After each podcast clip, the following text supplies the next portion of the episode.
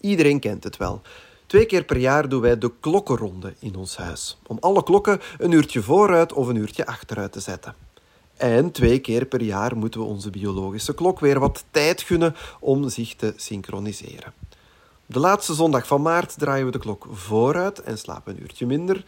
De laatste zondag van oktober draaien we de klok achteruit. Drie uur wordt dan twee uur en dus slapen we een uurtje extra.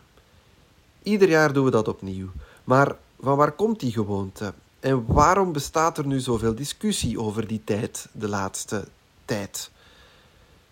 Wel, om te beginnen bestaat er zoiets als een wereldwijde eenheidstijd, genaamd de gecoördineerde wereldtijd of de Coordinated Universal Time UTC. Dat is een tijdsindeling gebaseerd op de zon. UTC verdeelt de wereld in tijdschalen volgens de lengteligging, met als nulpunt de meridiaan van Greenwich. België en Nederland liggen in de UTC plus 1 tijdszone. Onze tijd loopt dus één uur voor op die van het Verenigd Koninkrijk.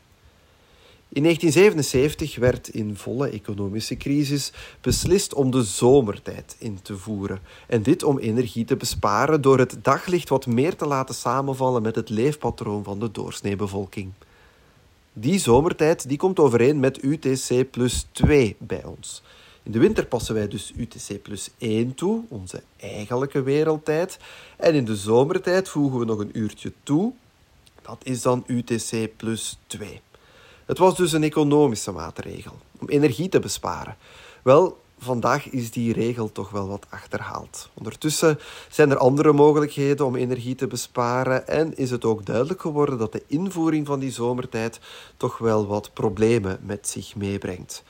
Zo wordt de zomertijd bijvoorbeeld niet overal in de wereld toegepast en dat kan dan leiden tot verwarring en een aantal gemiste afspraken.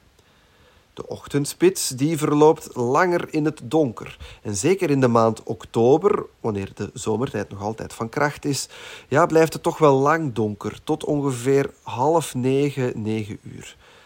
Avondfiles die rijden in de zomer dan weer langer in de hitte, wat ozon en smog in de hand werkt. En op hete dagen blijft die hitte net wat langer in huis hangen. Tot slot zorgt die halfjaarlijkse switch van de tijd twee keer per jaar voor een verstoring van onze biologische klok. Redenen genoeg dus om te opteren voor één tijd. En dan misschien toch maar best voor de wintertijd. Al horen typische avondmensen die graag genieten van die late zomeravonden dat misschien liever niet.